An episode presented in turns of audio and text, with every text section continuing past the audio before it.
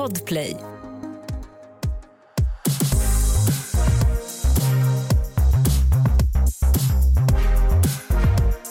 Hej och välkomna till podden Alla våra ligg! Fan vad härligt att vara här. Kul att vara här idag. Alltså behöver jag fråga hur det är för att det ser ut att vara taggad?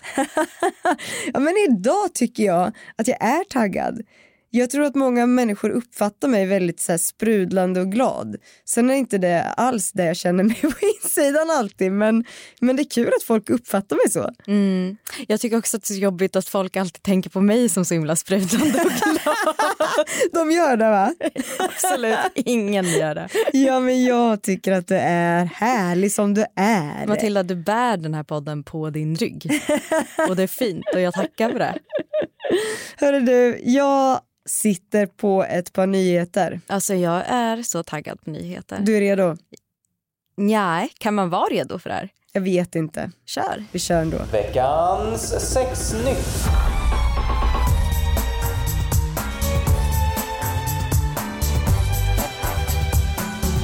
Hörru du Alex, nu snackar vi veckans sexnytt här. Och det här vet i fan om det är så jäkla eh, veckans sexnyhet. Mhm. Men Naked attraction. Jag vet vad det är. Skojar du? Du vet vad det här är? Jag vet. Och du har inte nämnt det här för mig. Nej men snälla, jag har varit för snål för att betala pengar till Discovery. Alltså så här var det att jag ville se alla Fråga Olle så jag kände nu jävlar. Så det här är min prenumeration i månaden så Ja. jag kollar på Discovery. Och då när jag ska gå in och kolla på eh, Alla mot alla, som jag på se, då kommer Naked Attraction Finland upp. Va? Har finnarna gjort en naked attraction? Finland har en Naked Attraction. Eh, vilka var först med det här? För du verkar känna till det sedan tidigare. Jag tänker ju att det som antingen har varit alltså britterna Mm. eller amerikanerna. Det är alltid britterna eller amerikanerna. Ja och för er som inte har koll på det här som är precis som jag, för jag hade ingen aning om vad det här var. Det finns så mycket datingprogram. Så himla mycket datingprogram. Men har ni någon gång sett datingprogram där man börjar naken? För det är exakt vad det här går ut på. Det känns också väldigt läskigt och utlämnande. Alltså det var, vet du att jag var i chock. Mhm. För att jag började tänka så här, shit jag hade aldrig vågat det. Nej men alltså är det inte så att det är en person som ska dejta och då Jo. så höjs det upp successivt så att det börjar med kanske fötterna. Mm, och sen så liksom det, det står går upp till könet, alltså, och då är det, vi snackar inga kläder. Men hur många personer är det som man får välja mellan? Jag tror att det var sex personer från att börja med. Alltså jag har verkligen inte kollat på det här utan jag såg det lite snabbt och varit helt chockad och kände det här måste jag ha med. Mm. Men blev du förvånad över valen? Alltså var det väldigt sådär, eh, vad ska man säga, alltså att man går normativt på det som anses vara sexigt av alltså, yttre samhället eller, eller har det verkligen varit individuellt? Nej, jag, alltså av det lilla jag såg den här lilla snutten då verkade det vara ganska individuellt. Alltså, det tycker jag är bra. Ehm, men jag var just chockad över sättet. Skulle du kunna tänka dig att börja en dejt så? Att det börjar med att du eller den här mm, mannen eller kvinnan står naken och du ska bara välja en person på grund av kroppen. Nej men jag är så larvig. Ja. Alltså jag hade nog fnittrat som en liten skolflicka. Ja. Alltså, nej men jag, jag beter mig väldigt konstigt vilket, vilket ju kan vara väldigt speciellt i och med att vi jobbar med, med det vi jobbar med. Men jag, jag, blir, jag kan bli väldigt, väldigt obekväm av, av nakenhet. Eh, Så det är ett eh, drag som jag försöker jobba bort. Så, Ja. så för mig hade det nog inte varit någonting. Men däremot så tycker jag inte att det är helt fel att börja där. Okej. Alltså, jag tycker att det är viktigt att vi kanske kommer ur de här grejerna där vi liksom Ja men det är jätteviktigt att börja och avsluta på ett visst sätt. så jag tänker att så här, varför skulle det vara fel att få komma in i liksom härligheten på en gång? Ja. ja, jag har funderat mycket och jag har inte riktigt kommit fram till någonting så det är skönt att någon av oss har svar på någonting. Men kanske kan det vara så att naked attraction kan ge en, eh, vad ska man säga, psykisk attraction efter. Mycket möjligt. Möjligt. Du, tack för dagens nyheter eller ska vi säga old news? Ja, mycket möjligt. Nya för mig, gamla för dig.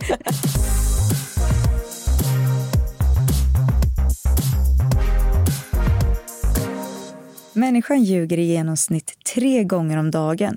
Inte helt konstigt att det även följer med in i en relation. Men vad ljuger vi mest om för varandra? Och kan det någon gång vara legitimt att dra en vals? Här för att snacka om det är Kalle. Vilken Kalle? Jo, Kalle, Kalle, Kalle Norvall, välkommen! Tack. Eh, dig har vi ju sett på tv en del, bland annat i eh, Gift vid första ögonkastet. Stämmer. Hur hamnade du där?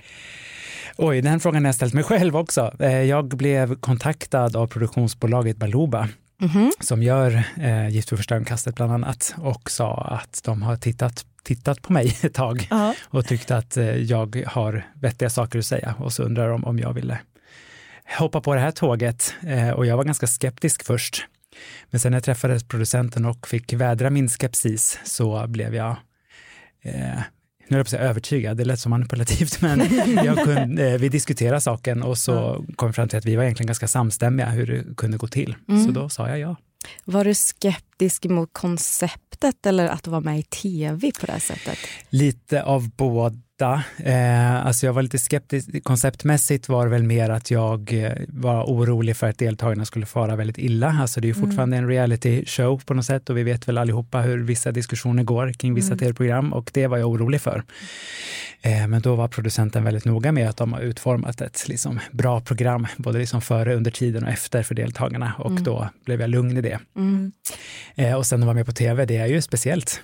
Eh, och som jag sa inledningsvis, jag fick ju förfrågan om jag ville ha hörlurar och då sa jag nej tack, jag tycker inte om att höra mig själv snacka. eh, och det är ju speciellt. Ja. Att Hade du varit med i media och sådär innan?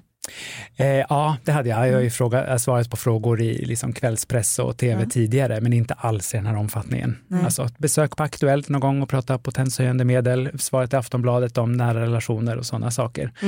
Eh, men inte alls i den här omfattningen. Men vad perfekt, för idag ska vi ju prata mycket om saker som kan uppstå i relationer, nämligen lögner. Ja, och det är ju inte så konstigt egentligen för människan ljuger ju i genomsnitt tre gånger om dagen har jag fått lära mig. Är det sant? Är det tre gånger om dagen? Ja, säkert ge och ta. Det kan säkert vara sex gånger en dag och noll nästa. Det vet man inte. På. Vi portionerar ut det Ja, men vad tiden. schysst att man får välja lite sådär. Att en dag kan man ta fler och en annan mindre. Liksom. Precis, blandar och ger. Men tänker, då är det inte så lustigt att det också hänger med in i en relation som ju är den personen man nästan har den mest intensiva relationen med.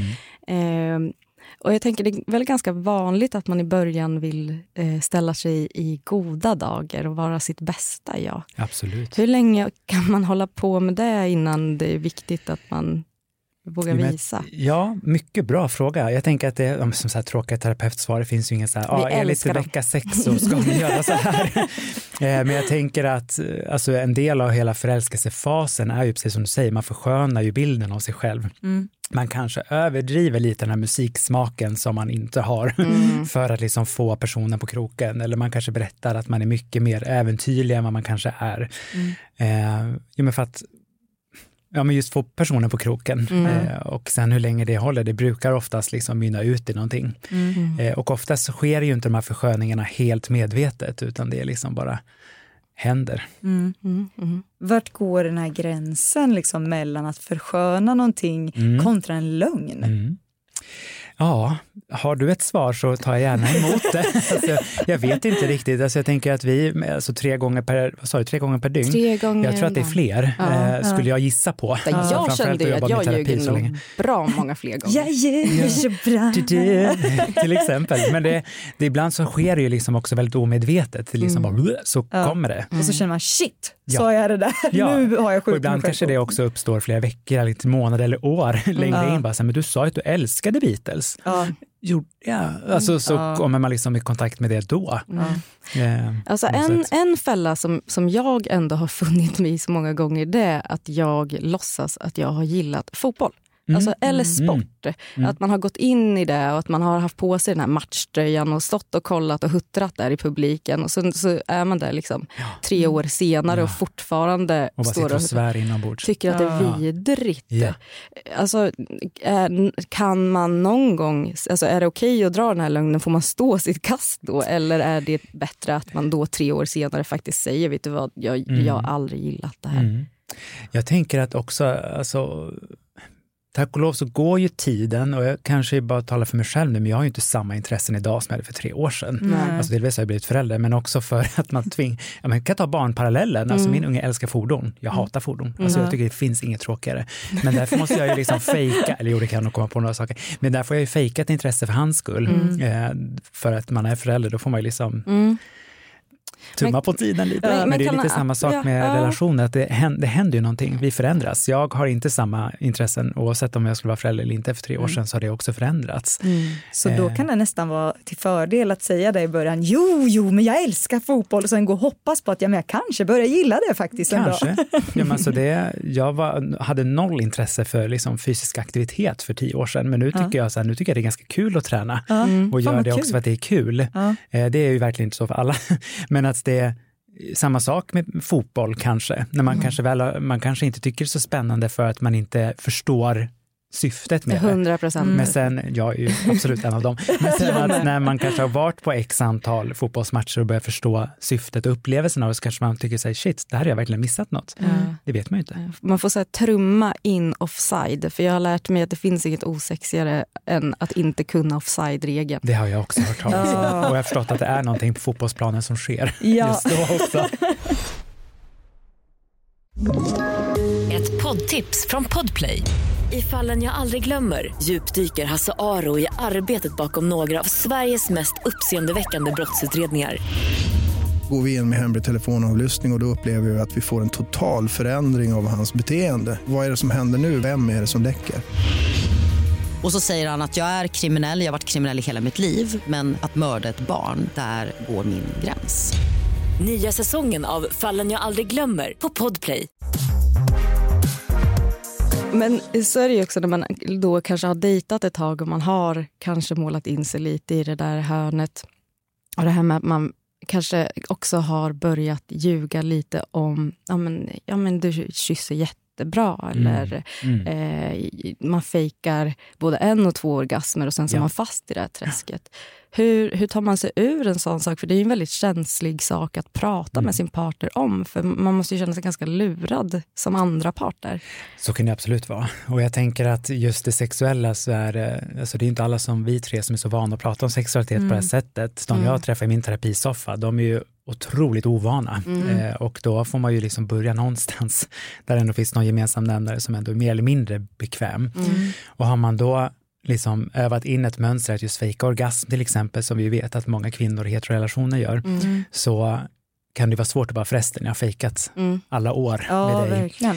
Eh, då brukar jag, alltså de individsamtal jag har de med personer som har gjort på liknande sätt så brukar jag uppmuntra att liksom, prata om det du vill ha. Mm. Alltså lägg handen där du vill ha den eller berätta hur du vill bli slickad eller hur du vill bli liksom whatever. Alltså berätta vad du vill ha. Men hur funkar det? Är det ofta, om, om vi säger att Alex och jag skulle komma som par, Mm. eh, är det ofta i den här parrelationen som man tar upp då eh, att till exempel ja, jag har fejkat orgasm i alla år. Eller är det någonting som du lyfter att man kommer in på det? Eller liksom hur, får man, hur går man tillväga? Mm, det är jätteolika även här. Alltså ibland så händer det ju att paren kommer till mig och bara, nu har det här uppstått, att jag, nu har jag fått reda på att min partner har fejkat alla år. Och det gör mig väldigt ledsen och så är det liksom ett, ett på ett sätt ett svek, att man så här känner så här, men du har ju sagt att jag har varit bra hela tiden och nu berättar du någonting annat. Eh, och det är ju liksom, mm, själva motivet till det är ju inte elakt Nej. kanske, för att man vill liksom bekräfta och vara snäll så. Ja. Men det blir, blir ju i förlängningen fel. Precis, Så då blir det ibland att jobba både med sveket och sen också hur man kan jobba på att liksom stärka tilliten men också hur man kan jobba rent sexuellt med det. Ja. Men också kanske kolla på intentionerna med. Eh, och jag tänker ofta så, så drar man en parallell mellan orgasm och bra sexliv, vilket ju inte alltid är. Nej, Eh, det är ju inte alltid fakta. Det kan ju ett jättefint sexliv men inte uppnå den här orgasmen. absolut. Ehm, men jag tänker också på att vi har en förmåga, man sitter på tjej, en tjejmiddag med sina Mm. kompisar och så har man eh, ja, med sin partner hemma och så börjar man prata om sitt sexliv. Ja. Ofta kan jag tänka det kan inte vara så här bra. Alla kan inte ha det så här bra. Mm. Alla era killar Tänker kan du på inte mitt ha... sexliv nu? Exakt. alla, alla killar kan inte ha en meter snopp. Allas Ja. killar kan inte... Var, varför, varför ljuger vi för varann om våra Mm, partners? Men alltså, vi är ju väldigt sociala varelser, vi människor, och vi vill Mm. gärna liksom höra till. Så det är väldigt lätt att man liksom faller för det här berömda och ökända grupptrycket Ja. och tänker oss att vi, om jag är precis som er så får jag vara med. Mm. Eh, och det är jobbigt att liksom bryta normerna på de här middagarna och säga så här, ja fast vet ni. Mm. Men så- kan det inte bli så att om, om jag kanske börjar säga ja men min partner gör det här och det är helt fantastiskt att det nästan blir då som en ond spiral att fler känner att de behöver också höja. Mm. Så att egentligen att, ja, att det blir skit av alltihop. Mm. Ja, och så tänker man ju ofta så här, okej, men om du berättar det här och så har jag inte samma upplevelse alls, okej, men det måste betyda att jag är dålig. Ja. Eh, vilket ju inte alls stämmer. Eh, utan man, eh, vi människor gillar ju inte heller att se variationer där. Det är därför ibland man får lite skit när man uttalar sig i media och så här, när jag svarar så här, men det beror på. Det är gråzoner. Ja, ja. Men det är ju det som är att spegla vår befolkning på något sätt. Det är inte A eller B, Nej. utan det är ganska ofta det hamnar däremellan. Och det tycker vi människor är jätteprovocerande. För vi vill gärna ha liksom generella svar som gäller alla. Ja. Och det är omöjligt. Ja, och sen sitter man där och googlar, är det normalt? Ja, för fan. Alltså, Ja, istället- detta normala.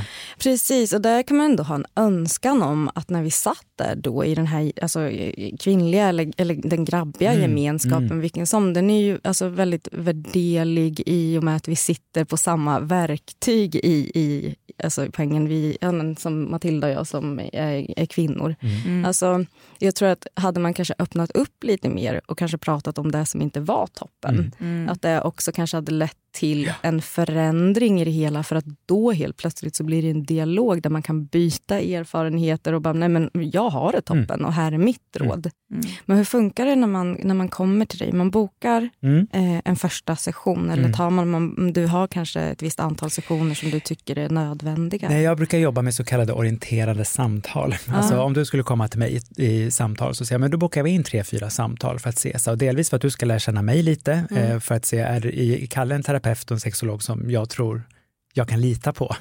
Eh, för det är klart att så här, och jag ska få känna, eh, jag säga känna på dig, det ska vi inte, för klokt. men, eh, känna, men känna på våran kontakt. Liksom. Men tror jag att jag kan hjälpa dig? Mm. Eh, och sen så bestämmer man någonting därefter tredje, fjärde samtalet. Eh, Mm. Och så gör man en liten tidsram. Liksom. Jag brukar säga lite slarvigt som att eh, hitta en terapeut är som att prova byxor. Ibland behöver man prova ett par stycken för att hitta någon som passar.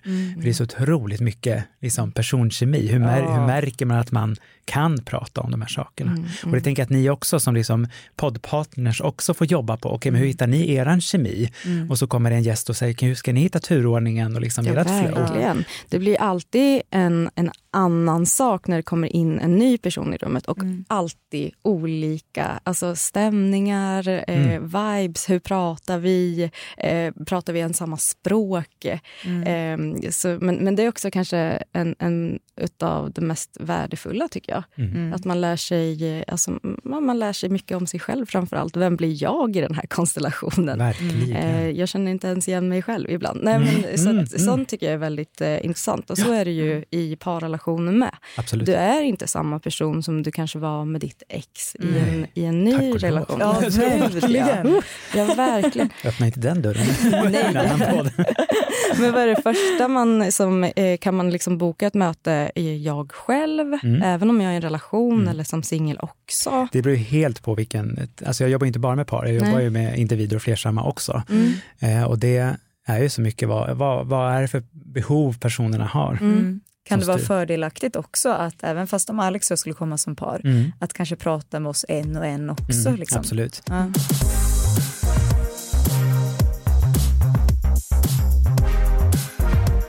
Men finns det positiva lögner? För att jag menar så här, om någon frågar mig så här, luktar, luktar jag svett? Ja. Eh, och, eh, och även om det skulle vara så säger vi. Mm. Men vi är i ett sammanhang där det inte finns, nu skrattar Matilda på hon känner igen det. Jag sa det här till Alex i morse, det här är varför hon tog upp det här. Min mens och För det är jag nu- bara, nu För det är nu luktar hon ska svett. komma ut med att du faktiskt luktar Exakt, det är svett. nu hon ska berätta att jag gjorde det i morse. Nej, det, var, det är väl det mest vanliga tänkte jag. Kalle, du, kan vi boka tid hos dig nu Ni på måndag? välkomna, eller? ni är så Ja, välkomna. Tack. Då går jag. Nej. Men jag tänker om man är i en situation där man vet att det finns inte en chans att den här människan i så fall har tillgång till dio eller ett badrum. Mm. Är det mer schysst att säga nej det gör du inte för att den personen ska kunna slappna av Mm. i sammanhanget eller ska man säga ja det gör du. Ja. Alltså, är, är det mer positivt då att säga nej ja, alltså jag relaterar direkt till mig själv som Mm. också har lite så här fobiskt förhållande till att lukta illa för andra. Så jag själv hade ju kanske tjänat på i långa loppet att du då hade sagt nej, du luktar inte svett Nej. och sen så gått och gjort mitt och sen gått hem och liksom Och insett att eh, han ljög. Eh, nja, kanske inte nödvändigtvis det, utan då kanske jag bara hade lutat mig och litat på det. Ja. Men det är ju min åsikt, så jag menar det där och min känsla och min erfarenhet, men där tänker jag att vi är väldigt olika. Mm. Vet ni, jag tänker jättemycket på så här, ja, men bara senast nu i helgen så min partner heter Kalle också. Eh, och Bra namn. Otroligt namn, ja. Eh, och både Kalle och jag håller på och så här, gör lite musik. Mm. Tycker att det är skitkul och jag har väldigt mycket respekt för Kalle när det kommer till musik. Han är otroligt begåvad. Eh, så att hans ord väger väldigt tungt. Men jag är också väldigt mån om att vi alltid är jätteärliga med varandra. Eh, och då så frågade jag Kalle under min PMS. Mm. Kan du mixa det här? För jag har gjort en cover. Tycker du att du lyssnar på det och kolla om det låter bra och sen kan du mixa det? Och då så sa Kalle till mig att bara så här, eh, du är skitduktig men jag tycker att du ska göra om det här partiet. Ja. Och jag tog så jävla Mm. illa Mm. upp. Och jag hade precis innan bett honom att vara ärlig. Liksom. Ja. Tycker du att det är dåligt, säg till då. Liksom. Ja. Jag var så arg så jag gick in i badrummet och stängde dörren. Och sen så frågade Kalle, men vad gör du? Skulle vi inte, skulle vi inte göra det här? Jag bara, Ja. nej för nu håller jag på att tvätta ansiktet här med kräm. Mm. Ja. Och då var jag så här, men vart du sur eller ledsen? Nej. Och sen bara, eller jo, det Mm. vart jag. Men är det inte bäst i- alltså, att säga så här, ja jag blev skitledsen? Och det kanske inte Ja, alltså ett av alltid... mina favoritord i terapi generellt sett är ordet transparens. Ja. Alltså att man vågar erbjuda sig själv och prata om vad som händer i de här situationerna. För sen, kan det ju också, sen tänker jag också att i vissa sammanhang kanske man inte ska be om sanningen heller. Eh, alltså jag, också, jag kan ge också ett privat exempel. Jag har en tendens att bli ganska hangry, alltså arg när jag är hungrig. Eh, och då har jag lärt mig nu efter att ha varit sam, tillsammans med samma person ganska länge att men det är ing, då, då ska inte jag be om något, liksom, utan då ska jag bara hålla truten och Ja. se till att äta något. Sen kan vi se vad som händer då. Men att man också alltså lägger, tar sitt egna ansvar också hur man kan hantera Mm. Sanningen. Ja, verkligen. Så du har lite att jobba på Matilda. Men har vi men- inte alla det? jo, absolut. Framförallt du då. Jajamän. Nej men det var ju så pinsamt också att känna direkt efteråt, bara, vad fan Ja. jag bad ju om sanningen liksom. Men sen kände jag, ja det var fel dag att be om den. det, det ska jag känna efter innan nästa gång. Men då har man lärt sig det. Ja men verkligen. Tack och lov så är vi aldrig fullärda på så sätt, annars Ja. hade livet blivit astrist tänker jag. Mm. Men är det, alltså som sagt fejka orgasmer, det, Mm. det måste ju vara en vanlig lögn tänker jag. Eh, Ja, och Är det tänker jag, alltså varför man gör det finns det också en rad olika svar på. Ja. Alltså jag tänker att det kan ju också vara att skydda sin partner som Ja. sagt. Eh, Det kan ju också vara att jag har aldrig fått en orgasm, jag vet inte hur man får det och då är det lika bra att fejka så slipper jag lära mig det. För det kan ju också vara läskigt att få Ja. orgasm för att man kanske liksom tappar kontrollen eh, eller inte vet vad som skulle hända då för man inte har den erfarenheten. Om, om man inte vet om man har fått en orgasm, för Ja. där får jag höra många som kommer in till oss i butiken, så här, vet du, jag vet inte om jag har fått en orgasm. Mm. Har man inte fått någon då? Så orgasm är också någonting som finns i olika intensiteter. Eh, och eh, alltså, nu är inte jag så här jättestort fan att prata om så här klitorisorgasm, slidorgasm och sådana grejer, utan mer så här, själva upplevelsen av en orgasm eh, kan ju finnas i olika intensiteter som sagt. Eh, och det kan ju vara en annan sorts orgasm, liksom typ en mental då. Eh, det har man väl fått när man har sett Alltså, jag vet inte om ni har varit i San Francisco någon gång, men där fick man ju verkligen en liksom hjärnorgasm när man såg de här otroligt raka gatorna. Det säger väl verkligen någonting om min anala sida kanske, men att det var ju så otroligt estetiskt snyggt så man kunde liksom inte sluta stirra. Jag fattar. Det var, Vi var i somras, har ni varit på Ven? Nej. Alltså den ligger ju mellan Sverige och Danmark. Det var en ö som Sverige fick utav den. Alltså när vi kom med färjan emot där, Ja. Det var det finaste jag sett alltså, på svensk mark. Mm, Alltså, och, mm. och det var nog en sån så här, Ja. "Åh, jag vill bo här hjärnorgasm. Boom. Ja. Men de som kommer in till alltså era ordinarie arbeten och säger så jag vet inte om jag har fått någon orgasm, nej men då kanske det finns värt, eh, värt vad säger man? Då kanske det är värt att utforska det ännu mer. Precis.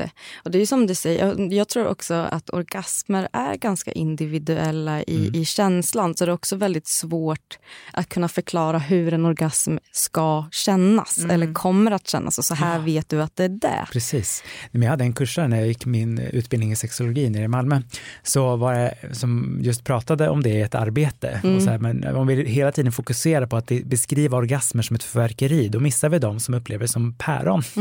Och jag tycker det var så fint formulerat. Det var jättefint. Just att så här, det finns olika sätt att känna det här. Mm. Så himla bra Mm. sagt. Jag gillar den. Men, men det är som när, alltså det kommer ju också till det här när man ska prata om sin partner med andra.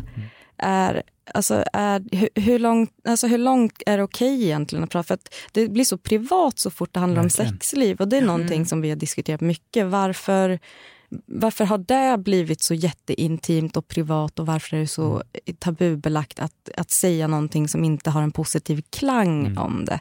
Och, och hur långt kan man prata om det? Jag hade ju en situation med min partner där han blev ganska ledsen och kände sig uthängd i, i ett av våra poddsammanhang. Eh, som egentligen grundade sig i att han tyckte att han fick kritik som jag inte hade framfört till honom. Ah, okej. Eh, ja, man måste såklart acceptera den känslan och, och be om ursäkt för att man har fått någon att må så. Mm. Men, men tycker du att det är okej att prata om sitt sexliv eller är det inte okej? Hänger man ut sin partner för mycket? Mm. Så jag tänker igen, det beror ju på vilken kontext. Mm. Eh, 40 000 och s- lyssnare, inte Ja. okej. Det, ja, nej, kanske inte. att där kanske det finns en poäng att prata först med sin partner. Mm. Eh, men sen är det så här, för, vi, för vissa andra hade ju lika gärna också kanske kunnat vara så att din partner bara så här, "Ah, ja Mm. nästa gång kanske du kan säga det till mig eh, och, eh, först, Mm. innan dina 40 000 kompisar. att det liksom är kanske bäst så. Ja, Mm. Men sen är det klart, ens kompisar det är en annan form av nära relation som man också ska värdesätta och som också hjälper oss i våra liksom, romantiska relationer, ofta med stöd, eh, hjälp och råd. Liksom. Mm. Så det är klart att man ska också kunna prata med sina kompisar. Mm. Sen är ju frågan om liksom, vilken utsträckning. Eh, och ibland kan det ju vara svårt att liksom hänvisa till sig själv och säga, okej, men vad skulle du vara bekväm med att din partner sa och inte Mm, sa? Mm. Och liksom lite tänka i de banorna. Mm. Men för det hade ju vi ganska mycket. Vi blev ju till och med tillsagda av eh, Bauer att så här, gå hem och prata med era partners Ja, om vad det är ni ska göra, vad Ja. ni ska prata om och hur långt det är okej. Det är en väldigt Eh, speciell situation. Det är det. Och man, och man tror att man ska vara mer återhållsam men det är väldigt svårt att prata om någonting utan att utgå ifrån sig själv. Ja, det Men- är ju för att vi många gånger liksom utgår just från oss själva och det är ju inte konstigt per Nej. se heller eftersom Nej. vi är oss själva närmast. Och då är det inte så konstigt att vi liksom hamnar i att jämföra med oss Mm, själva. Det mm. hamnar ju vi som jobbar med psykoterapi också Mm. jätteofta i, men vi är ju å andra sidan då skyldiga att också gå i handledning. Mm. Det är ju kanske inte poddare på samma sätt. Nej, Eh, tyvärr, vi kanske borde ha en kurs. kanske. Men upplever du att eh, det här med, med lögner just det kommer till alltså sex och relationer, Mm. är, det, är det något om du tänker, alltså är det, finns det något som en typisk eh, manlig lögn, en manligt kodad lögn och någonting som är en, en typisk kvinnligt kodad lögn? Mm. Om vi ska hålla oss till de yttersta. Precis, och det finns ju en risk att man blir väldigt könsstereotyp då, men Mm. min erfarenhet är ju att kvinnor i heterorelationer då i större utsträckning ljuger om orgasmen Mm. och att killar, hetero, killar i heterorelationer i alla fall Mm. har en högre eh, tendens att ljuga om att de inte tänder på andra. Mm. Eh, och båda de här grejerna bottnar ju också i någon stereotyp par Mm. perspektiv på något sätt. Att det är så här, är man i ens tvåsamhet så ska man inte tända sexuellt på någon annan. Mm. Eh, och det är ju liksom Biologiskt omöjligt va? är psykologiskt omöjligt i alla fall. Att, så här, att, att stänga av eh, sin liksom attraktion gentemot andra, det är svårt. Eh, alltså att också finnas någon ödmjukhet i att det betyder ju inte att man älskar sin partner mindre för att man råkar se en snygging på stan. Verkligen inte. Mm. Eller fantisera om den när man onanerar någon gång. Eller av sig, onani kan ju viss, i vissa fall, jag har träffat par som menar om att onani också är otrohet. Jaså? Och det kan, jag, det kan ju jag tycka så det känns lite kämpigt eftersom man fortfarande är en individ med sin individuella sexualitet. Eh, men då får man jobba med tilliten och definitioner på vad relationer är. Men upplever du att eh, många känner ett behov av att liksom försköna eller ljuga om sin partner? Alltså till exempel om ja, men någon storlek eller liksom, åh vi har så varierat sexliv Mm. fast man kanske inte har det. Eller Mm. Liksom, För att höja sin partner på något sätt. Jo, men det tror jag Ja. säkert. Alltså, ja, det är väl ett jättegott exempel till på det här svartvita tänkandet som vi människor har. Att Mm. antingen så pratar man bara om det negativa eller bara om det positiva Mm. istället för att så här, förstå att vi människor är ganska gråa massa på något Ja. sätt. Eh, och det är ju samma sak igen, när man går i parterapi så har man ju tendens att prata om det som inte funkar i stor utsträckning, för det är därför man söker Ja. hjälp. Men det är ändå väldigt viktigt att man tar sig tid att också prata om det som funkar. Mm. Men det är Okej, du, inte- ger, du ger mig inte en orgasm, okej, men vad är det annars som är bra med sexet? Ja. Eh, och prata om att du är skitbra på att kyssa mig i nacken. Ja. Alltså att också plussa på det som faktiskt fungerar. Mm. För då kan man ju också bredda perspektiven. Okej, du pussar mig på det här sättet på nacken. Kan vi liksom översätta det till någon Mm. orgasm i riktning på något sätt Mm. också? Jag trodde faktiskt att eh, det här med att män skulle ljuga för, för sina, alltså i heterorelationer specifikt för sin Mm. partner om att de inte kollar på porr. Ja. Eh, där trodde jag skulle kvala in nästan som den... Eh, Mm. Inte min kliniska erfarenhet i Nej, alla fall. nej. Eh, men det kanske. tror du att vi är benägna att vil- vilja kolla på alltså, porr på det här sättet? För att det konsumeras ju på en otroligt, speciellt nu när det Mm. börjat gå att streama. Jätte Mm. herregud, en annan fick sitta och ladda ner på så Alta Vista, ge sin Ja. dator lite aids på vägen. på fyra timmar så hade vi en liten film. Ja, ja precis. Eh, nej, jag tror ju inte på den här programmeringsteorin, Nej. gör jag inte. Eftersom vi människor har funnits ett bra tag, Mm, långt mm. innan från liksom digital åldern, så tror jag Mm. inte att vi programmerade. Mm. Men jag tror att vi människor eh, dras, alltså, eller vad heter det, har ju ett motivationssystem som kallas för nyfikenhet. Mm. Och den tror jag att vi eh, många gånger trycker undan. Mm. Och kanske i sexuella perspektiv i alla fall, kanske utforska mer på egen hand, Mm. både bokstavligen och ja. liksom eget initiativ. Eh, och då är ju pornografi ett absolut ett medel som är lätt att ta till. Mm. Men nu finns det ju ganska ny forskning som visar att på att liksom pornografikonsumtionen bland liksom, gruppen ungdomar och unga vuxna har ju gått ner. Mm. Eh, att man kollar mindre på pornografi och det kan man ju diskutera hur det kommer sig. Mm. Eh, det finns ju teorier om att vi är mycket mer stressade i samhället eh, som gör att man inte blir kåtare till Mm. exempel. kan ju kanske också handla om alltså en, en ny generation som också har en, en mer medvetenhet kring... Vi har alltså väldigt unga eh, män som kommer in till oss eh, som, som faktiskt är öppna och ärliga med att så här, jag har kollat så jäkla mycket på porr. Mm. Så jag får fan inte upp den för min partner som jag älskar högt. Mm, mm. Som jag tycker är det sexigaste som finns. Och sen som också börjar då överkonsumera eh, preparat som gör att man ska få upp eller Ja. ha ett långvarigt stånd. Ja. Eh, och det är ju skitsorgligt. Mm. Så jag, det kanske finns någon, någon, vad ska man säga, att man värnar lite om, om sin sexualitet också på ett annat sätt. Ja, det här har man ju förstås också forskat på. Mm. Man ser ju inget liksom, så kallat kausalt samband, alltså Nej. direkt samband till att kollar man på pornografi så liksom förlorar man impoten eller så förlorar man potensen, alltså man, man blir impotent. Mm. Eh, sen är det klart om man liksom blir tvångsmässig i sitt porrtittande Mm. eh, så blir det ju lätt att man också får ganska smala liksom, handlingsutrymmen i hur man sen agerar sexuellt med andra. Mm. Eh, och då, men det tänker jag inte är så konstigt heller, att är man van att onanera och liksom få bestämma allting själv och sen ska Mm. man plötsligt relatera till en annan person Mm. samtidigt, Mm. så blir det en prestationsångest. Mm. Mm. Och just de här prestationsångestkänslorna blir ju också ganska lätt att kåthetshormonerna konkurreras ut. Liksom. Mm. Ja. Så det handlar kanske inte i huvudsak, verkar det som, enligt forskningen i alla fall, på att det är liksom pornografin som är boven i dramat i det här Nej. fallet, utan att det mer är liksom prestationsångest och relaterandet som kan Mm. vara svårt. Jag fattar. Ja, det är ju inte alls konstigt. Nej, Alltså, Fullt logiskt. Ja, ja men absolut. Mm. Och bara titta på en porrfilm, och, alltså som, som jag som kvinna då, Mm. eh, ser hur... Alltså för det, man, man har lärt sig så mycket utav alltså dels sex på film, eh, porr, tittandet om hur eh, en sexakt ska se Mm. ut, hur Mm. det man ska låta. Eh, och jag tycker att det har förstört för mycket i... Eh, ja, men för mig som jag tycker att jag har hittat sex på ett annat sätt i vuxen ålder. Alltså, alltså när man har kommit förbi 25 där någonstans, när man börjar så här, okej men låter jag så här på riktigt? Mm. Eller tror jag att jag måste låta så här? Och det här med andningen, att, att den som ska ligga i halsen, som att vi springer iväg ifrån någonting. Mm. Det, det är också ett väldigt störa, en störande Ja, grej. andas man här uppe, då Mm. kickar ju också stressreaktioner igång Mm. i kroppen. Det är ju så vi också är Det är också, skapta. Liksom. Ja, men det är också en Mm. lögn i sig. Mm. Alltså, sätt, det är ju ett inlärt sätt som man har Mm. fått för sig att man ska hålla på med. Ja, men alltså sexakter porträtteras ju på ett väldigt specifikt sätt, inte bara i pornografi utan också som du sa, alltså i filmer, i populärkulturen Mm. generellt sett, i musik, Mm. liksom i litteratur. Det är ofta, alltså det är bara att kolla på de här romantiska komedierna när man ska filma en sexscen. Man går in i Mm. samma rum, Mm. kåta på blicken och så blir penetration på en gång. Så Oj, oj, oj. funkar det ju extremt sällan. Ja. Men det är ändå liksom ett ideal vi hela tiden matas med på många plan. Mm. Men kan det vara en bra idé att liksom lyfta det här med sin partner? Att så här, vad är din bild av det? Liksom? Så att man inte går runt med helt sjuka Mm. tankar om vad ens partner har för förväntningar på Mm. en. Liksom. Ja, men det tänker jag man känner på oavsett om det är liksom in, eh, i sängen eller utanför sängen, Ja, att ja. prata om förväntningar. Mm. Alltså det är en stor bov i dramat i parrelationer är också de här tysta förväntningarna. Man Mm. tänker att så här, men du, du plockar ju alltid ur diskmaskinen på tisdagar och så är det en tisdag som man inte gör det så blir man jätteirriterad. Din jävel! Din jävel.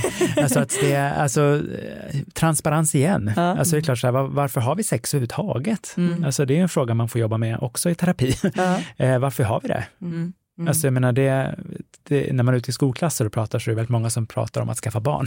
Mm. Eh, och det, är ju, det har jag förstått att det är många som ligger med varandra för att skaffa barn. Men det är ju liksom en ganska liten promille av alla sexuella aktiviteter Ja. som handlar om att skaffa barn. Mm. Så varför gör vi det då? Ja, oftast för att det är skönt eller tidsfördriv eller sätt att bygga relation på. Alltså det Mm, finns ju många motiv som helst. Och det kan man absolut tjäna på att prata också om i en parrelation. Och vad vill du? Mm. Och vad vill jag? Och vad vill vi? Ett poddtips från Podplay. I podden Något Kaiko garanterar östgötarna Brutti och jag, Davva, dig en stor dos skratt. Där följer jag pladask för köttätandet igen. Man är lite som en jävla vampyr. Man har fått lite blodsmak och då måste man ha mer. Udda spaningar, fängslande anekdoter och en och annan arg rant. Jag måste ha mitt kaffe på morgonen för annars är jag ingen trevlig människa. Då är du ingen trevlig människa, punkt. Något Kaiko, hör du på Podplay. Därför är gardinerna. Är det bättre att börja någonting med att säga eh, jag känner att än du borde? Absolut, det är ju det vi kallar för jag-budskap. Mm. Alltså jag, jag känner när du kan Ja. vi. Mm. Till men då, jag känner mig nervös inför det här samtalet. Mm. Eh, jag är rädd att du ska bli arg. Kan Mm. vi prata lugnt nu bara Mm. eh, och se vad som händer? Mm. Till Mm. exempel. Mm. Ja, men det är trevligare tycker jag. Alltså, för att Ja. det blir lätt, annars så blir det hela den här men du då? Ah, ho. Den här Ja. liksom defensiva konflikten, de, det, det blir aldrig bra. Märker Nej. man det så brukar jag rekommendera att tryck på stopp då, liksom, eller Ja. paus. Mm. Ta en promenad runt huset och gå och fortsätt sen. Kan man göra det? Alltså om vi är i en het diskussion, säger Mm. vi jag och min partner, för det, Ja. det händer ju. Vi har levt med varandra i 16 år, vi Ja. har två barn, alltså, Ja. vi har räkningar att betala. Men det vore Vi- konstigt om ni inte kom i konflikt. Det jag. hade varit eh, märkligt. Men i en diskussion, är det okej? För att jag vet ju att min partner, han vill väldigt, när han tycker att det blir eh, lite jobbigt Mm. eller en diskussion, för jag Mm. är kanske mer hetlevrad än honom, sydamerikan. Nej men är det, borde, borde det vara okej då om han säger till mig så här, vet, vet du vad, nu, nu vill jag bara pausa det här Ja. och gå, gå iväg. Kan man Mm. göra så? tycker jag absolut man kan. Mm, det, Men det behöver man jobba på, för då känner jag mig så lämnad. ja, och det är det man behöver prata om liksom ett eh, mer, mer neutralt läge. Mm. Eh, att prata om hur bråkar vi på bästa sätt. Mm. Eh, för jag menar konflikter per se är inte dåligt. Vi lär oss jättemycket av konflikter. Mm. Men också i västvärlden har vi ett väldigt dåligt synsätt på konflikter. Vi tänker att så här, men då kommer vi lämnas när vi liksom är i Mm, konflikt och det är ju inte alls nödvändigtvis så. Mm. Eh, Även fast det kanske händer så någon gång ibland beroende på vad man har konflikt kring. Mm. Eh, Men jag tänker att det finns ju mer eller mindre konstruktiva sätt att bråka. Och om, om ni då, om vi tar, fortsätter på ditt exempel, om du och din partner då idag efter ungarna har lagt sig och att ni liksom ändå är ganska glada i varandra kunde säga så här, men ska vi prova när vi hamnar i en liknande diskussion igen? För jag tänker, jag och min partner har varit ihop i snart 15 år, jag Mm. tänker ni har säkert hamnat i samma situation där man säger, vi bråkar om samma sak. Ja, ja, ja. Alltså när vi, nästa gång det händer, ska vi prova det här istället? Mm. För jag menar, det andra sättet att bråka, ja men det kan vi nu. Det är oftast inte så bra. Mm. Ska vi prova något nytt? Mm. Eh, Och jag menar, det, det behöver tillkomma något nytt oftast för att det ska ske någon liksom konstruktiv förändring. Mm. Och ibland blir det inte en bra förändring, men då har vi provat det. Då kan vi liksom prutta bort den och så provar vi något annat nytt. Det har aldrig slagit mig, men när du säger det så är det ju så jäkla... Ja, men, vad ska man, det är ju självklart. Varför pratar man inte om hur man bör bråka? Mm. Hur vi sköter våra bråk i vårt hem. Och att man Jag kan tänk- göra dem på olika sätt. Ja, tack och lov. Ja. Alltså, annars blir vi också igen enkelspåriga. Och jag menar, vi är mer komplexa som varelser än så. Mm. Vi är ju den här gråa massan som är liksom mer eller mindre åt svarta eller vita hållet, Mm. men vi rör oss där hela tiden. Och det betyder ju också att vi kan inte ha samma konflikt på samma sätt hela tiden, för då blir det ingen lösning. Mm. Eh, och det tror jag också resulterar i lite samma sak som ni pratar om de här middagarna när man pratar och antingen liksom lyfter upp eller trycker ner sina partners på olika Mm. sätt. Att så här, men det behöver vi också luckra upp på något sätt och våga se nyanserna i oss människor. Och förstås oss själva. Mm. Gud, Ja. klyscha. Ja. Ja, nej, men, nej, men det, det gav mig så mycket det här. ja, vad bra. Eh, men vi var ju inne lite på det här med eh, att eh, ja, med vissa diskurser som uppstår med, mellan heterosexuella par. Mm. Eh, men vi har ju såklart också eh, alltså par av samma kön som Mm. lever med både kvinnor och eh, män. Är det mindre vanligt att de här lögnerna förekommer där för att man förstår varandra på Mm. ett fysiskt plan på Mm. ett annat sätt? Eller är det samma jäkla grej? Alltså rent orgasmlögnmässigt Ja. så ser vi att liksom för, för personer som är födda med en klitoris, det Mm. mest säkra, orgasmsäkra partner man kan ha är ju en person med likna, liknande kropp som en själv. Mm. Eh, där ser vi att liksom orgasmglappet mellan samkönade kvinnliga par är ju väldigt mycket mindre i jämförelse med heteropar. Mm. Eh, så där ser inte jag alls samma Tror du, princip. Liksom. Tror du att det ligger i att det är en annan person som också har en klitoris där? Eller tror du att det ligger i att kvinnor är mer verbala i Mm. sitt språk? Jag tror att det rent, liksom, om vi pratar från ett sexologiskt perspektiv, Mm. så tänker jag att det inte är samma penetrationshets bland Mm. samkönade kvinnliga par, Mm. eh, utan det är mer fokus på oralsex och petting och det är ju Mm. två praktiker som är mer orgasmsäkra Mm. i jämförelse med liksom penis i slida praktiker. Mm. Eh, ifall det liksom är orgasmen man är ute efter, Mm, som mm. sagt. Men jag tänker just det här uh, om det är två män som också lever med varandra. Mm. Blir det, är det på samma sätt där, lite? Att man säger, ja men jag har en penis, jag vet precis hur vi ska jobba med den. Eh, Man kanske tänker så, Ja. men sen är ju vi liksom lika olika allihopa på något sätt. Mm. Eh, alltså jag menar, en, en penis är inte den andra lik. Nej, tack, det vet liksom- vi. Ja, vi, har vet många. ju. vi vet många.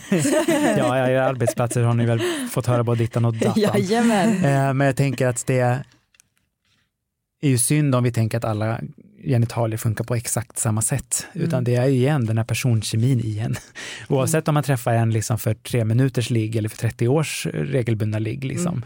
att det är olika för varje gång. Mm. Alltså, men, ja, men du som har varit tillsammans med samma person i 16 år, då, om, det är bara, om ni liksom har varit monogama och tvåsamma Mm. och man har haft sex hela tiden Ja, det samma. hoppas jag.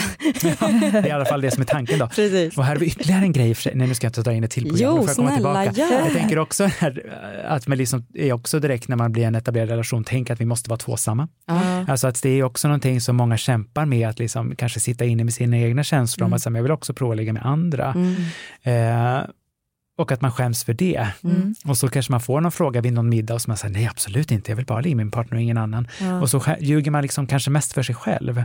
Att man inte heller vågar närma sig sina sexuella fantasier för att man är rädd hur andra ska reagera. Har du någonting mer som du känner så här, det här vill jag skicka med er, just på Mm. temat lögner? Jag tänker att de svåraste lögnerna, det är de man gör mot sig själv. Mm. Eh, Så jag tänker att våga liksom grotta lite det som också är obehagligt i sig själv. Mm. Och att liksom, jag tror vi aldrig kommer vara lögnfria. Det tror jag liksom är en omöjlighet. Mm. Men då behöver vi börja någonstans med oss själva och närma oss de tankar och känslor vi har gentemot vår egen sexualitet. Mm. Det tror jag. Är det ett bra råd att uppsöka hjälp som par? Tycker du att eh, fler Ja. borde våga göra det? Utan tvekan, Mm. absolut. Det är ju många som söker både mig och mina kollegor lite för sent. Mm. Eh, där liksom lögner exempelvis har blivit Mm. så pass infekterade att det liksom blir svårt att prata om. Mm. Eh, att det också blir så jättehögt motstånd Mm. eh, som gör att det blir svårare att närma sig Så det man som ska smärtar. inte använda det som den sista hjälpen utan kanske mer som ett verktyg på vägen? Ja, andra hjälpen. Ja. Först prata och sen så märker, eh, själva och sen märker man att det inte funkar. Mm. Eller att man går i samma snurra hela tiden. Mm. Så finns det ju familjerådgivning som är subventionerat pris i hela Sverige. Det är Mm. faktiskt rätt fantastiskt. Kan man prata om sin sexuella relation med dem? Eller? Det ska man kunna. Man ska kunna. Eh, för att få jobba som familjerådgivare i liksom Mm. subventionerad familjerådgivning så ska man ha viss sexologisk kompetens. Mm, Sen så vet man ju inte hur det är exakt över hela landet förstås. Eh, men det ska man kunna göra. Mm. Det är ju toppen bra att veta. Det är topp. Ja, det är inte så många som vet om Jag hade det. ingen aning Nej. om det. Nej, inte jag. Eller? Nej, jag och har man man barn tror jag till och med man får företräde i kön. är det sant? I vissa städer. Ja. Skynda fynda. Ja, absolut. Men sen finns det ju sexologiska liksom inriktade terapeuter och parterapeuter runt om i hela landet. Men Mm. i, som vanligt så är det ju storstäderna som har de flesta. Mm. Så det blir ju lite storstadslyx på så sätt, Mm. tyvärr. Jag måste också fråga, för du har ju ett yrke som jag är otroligt sugen på. Mm. Är det ett fantastiskt yrke? Det är världens bästa jobb. Gud vad underbart. Absolut. Mm, då satsar jag. Gör det. Gå in på antagning.se eller vad man nu söker utbildningen nu för tiden och kör. Imorgon är jag Ja. där. Eh, du, det har varit en ära att få ha dig med. Så jävla kul. Vad vi har längtat efter det här och nu känns det liksom, nu är vi här. Ja, Nej, men nu är jag det bara vabb och ja, men det som känns stod som- i vägen. Men ja. nu så äntligen. Ja, men det, så det Så där... som Herregud. Ja, men jag tycker också att vi, jag, jag, alltså, jag kan ju bara prata för min egen del, men jag känner att jag har lärt mig otroligt mycket av det här. Ja, så det är väldigt höra. fint. Roligt att Mm. höra. Tack. Tack Tusen snälla. tack.